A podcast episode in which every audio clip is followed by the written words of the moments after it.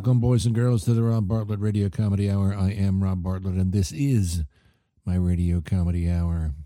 Tonight's program, we uh, we visit an old friend, an old friend with a couple of new thoughts on what's going on in the world today. We haven't heard from him in a while, at least anything new out of him in a while, but very happy and honored to welcome him back. Ladies and gentlemen, Don Corleone, the Godfather.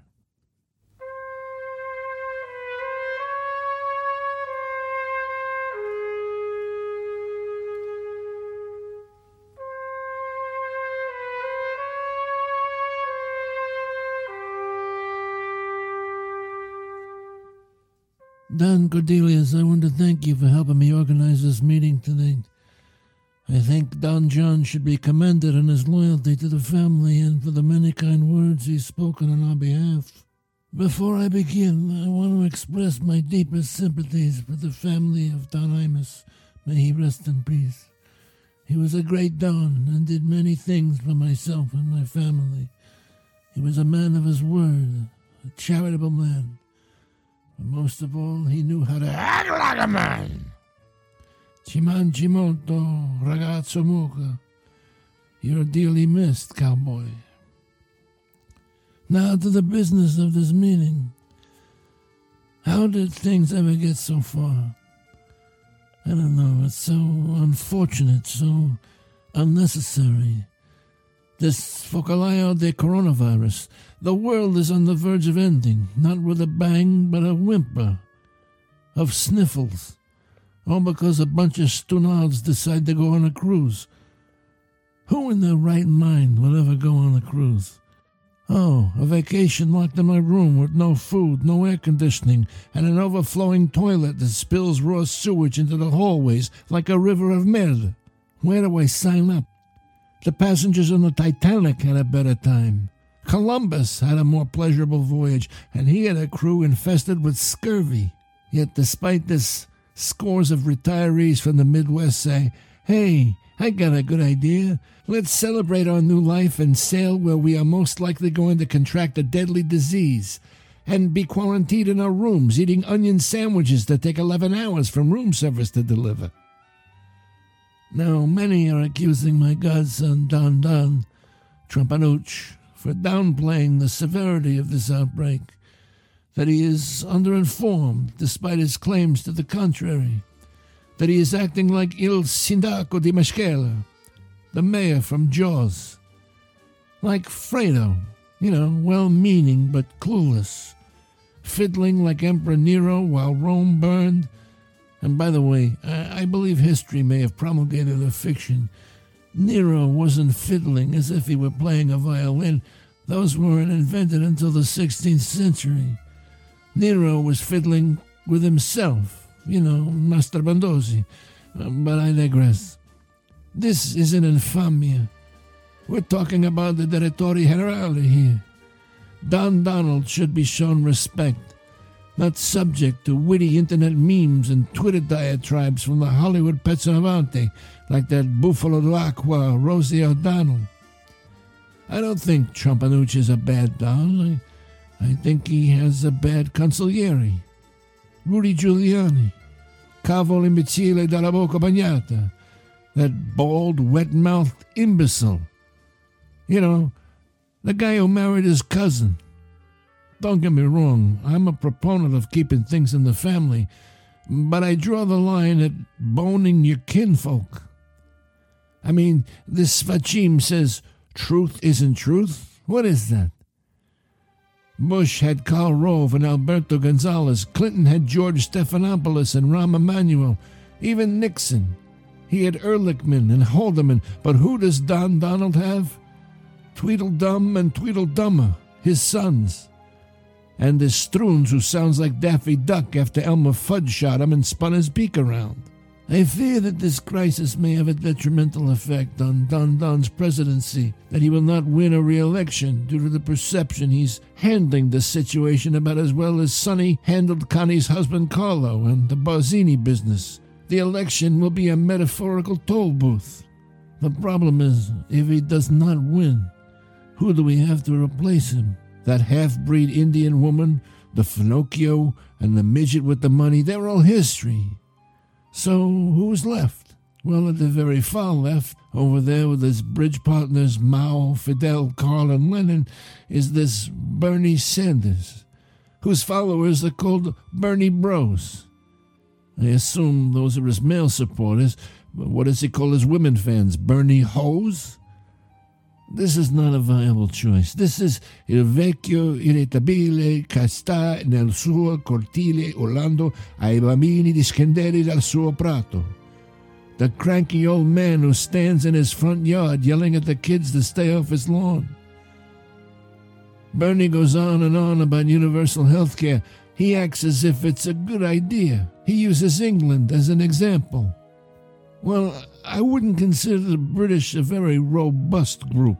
They're paler than Taylor Swift at a Sears white sale. One thing's for sure, they don't have much of a dental plan. Apparently in London, i denti sono un un'opzione.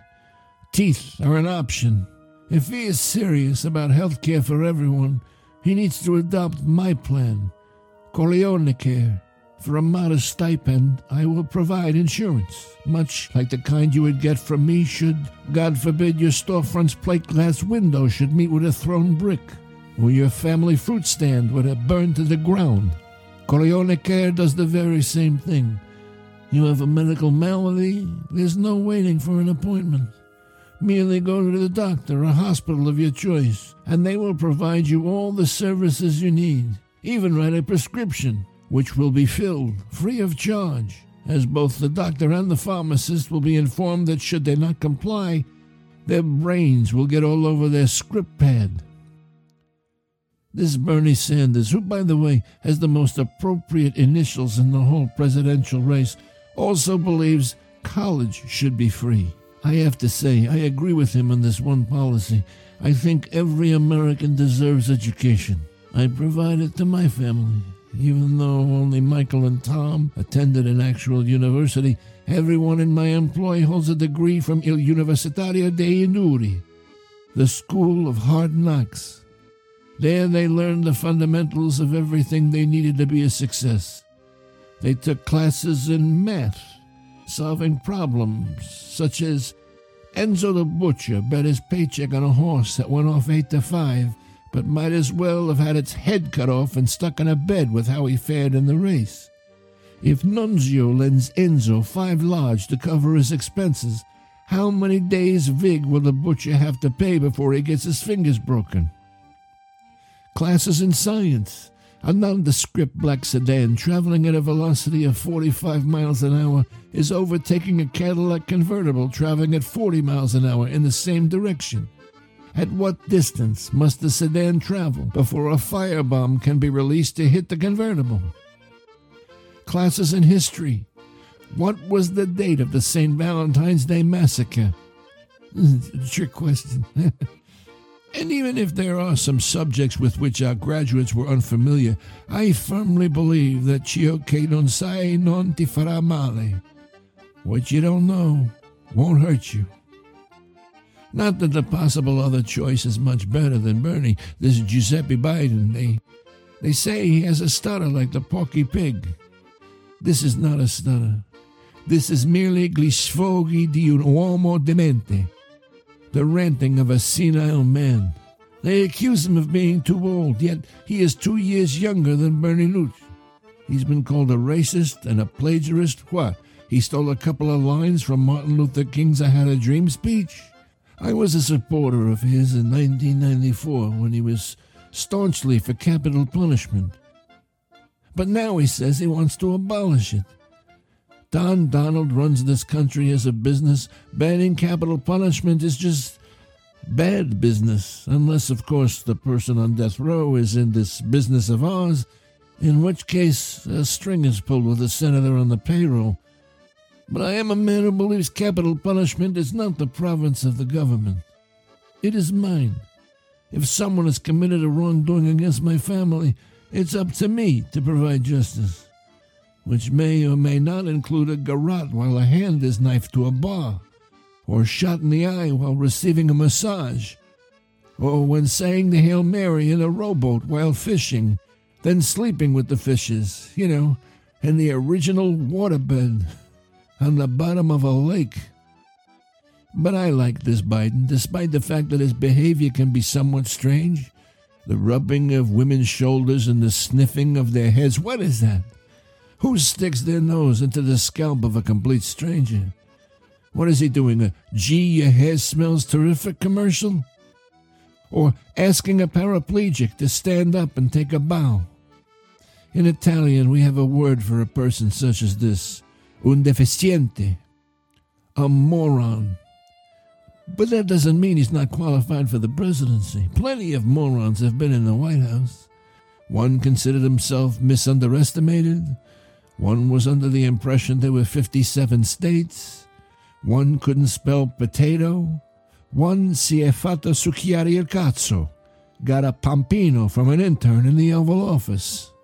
But now we're in a situation when we need a man of intelligence and vision with a viable strategy to help us through this epidemic.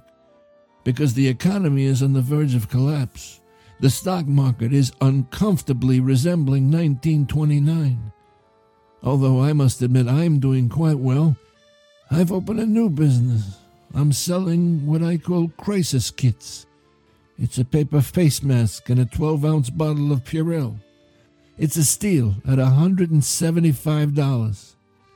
You think that's expensive? Wait a week or so, you'll wish you got in on this deal today. Until then, wash your hands for at least 20 seconds. Some say as long as it takes to sing happy birthday. Some say for as long as it takes to sing the chorus to Copacabana by the Barry Manilow.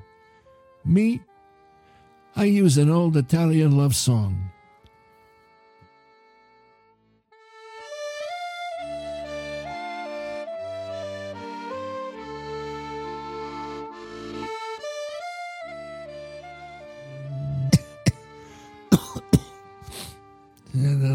Tickle my throat.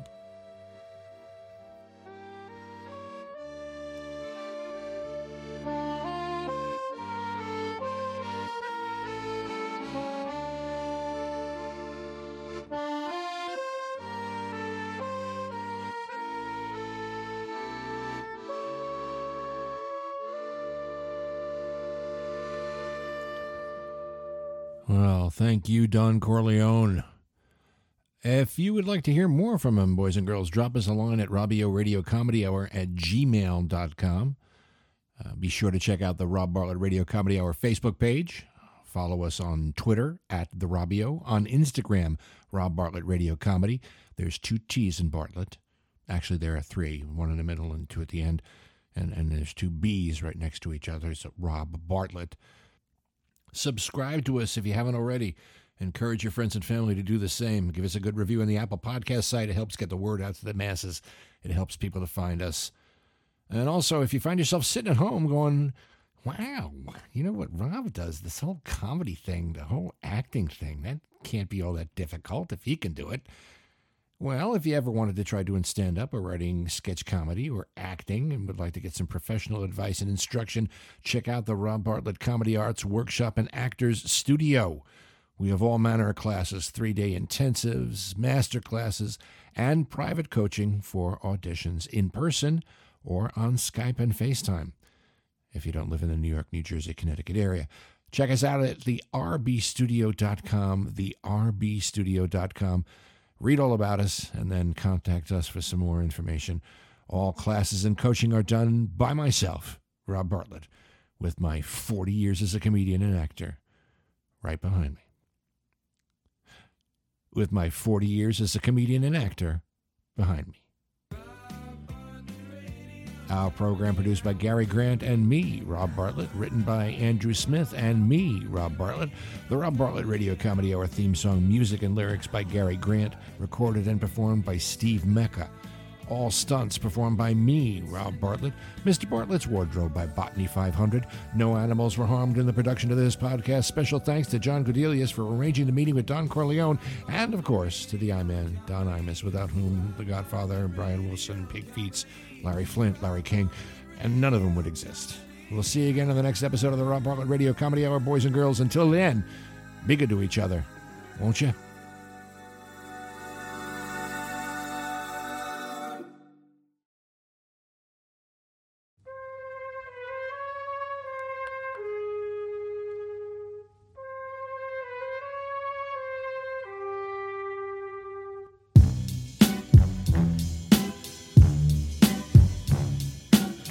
I like to drink wine more than I used to.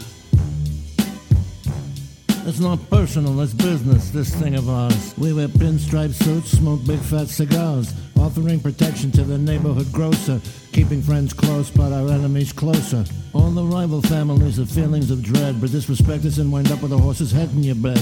Should you decide to act too big for your britches, you'll be like Luca Brasi, sleeping with the fishes. Keep your nose clean and always tell the truth, or you might wind up like Sonny in the car at the toll booth. Now it's been said it's a little bit unholy. Shoot somebody in the head, leave the gun, take the cannoli. That we deal in violence, we make no pretense, but we're businessmen and blood is a very big expense. You can't retire cause there's no pension plan, but don't be a Finocchio. I'm gonna make him an offer he can't refuse. Unless he should care to wear a pair of cement shoes. They say crime don't pay, so how come we never lose? Show respect when we collect. It's an offer you can't. We're environmentally sound, all our bullets are recycled. I never wanted this for him, but I left the family to Michael. Not Senator Corleone, but he's the one who pulls the strings. And just like the Pope, they kiss both of their rings. We're a global organization, bona fide, real deal. I'm not bragging when I say We're bigger than U.S. Steel. Sure, sometimes there may be an explosion. It's the price of doing business. This is the business we have chosen. I'm gonna make him an offer he can't refuse. Unless he should care to wear a pair of cement shoes. They say crime don't pay, so how come we never lose? Show respect when we collect. What you expect? It's an offer you can't refuse. You spend time with your family? Sure I do. Good. Because a man who doesn't spend time with his family can never be a real man.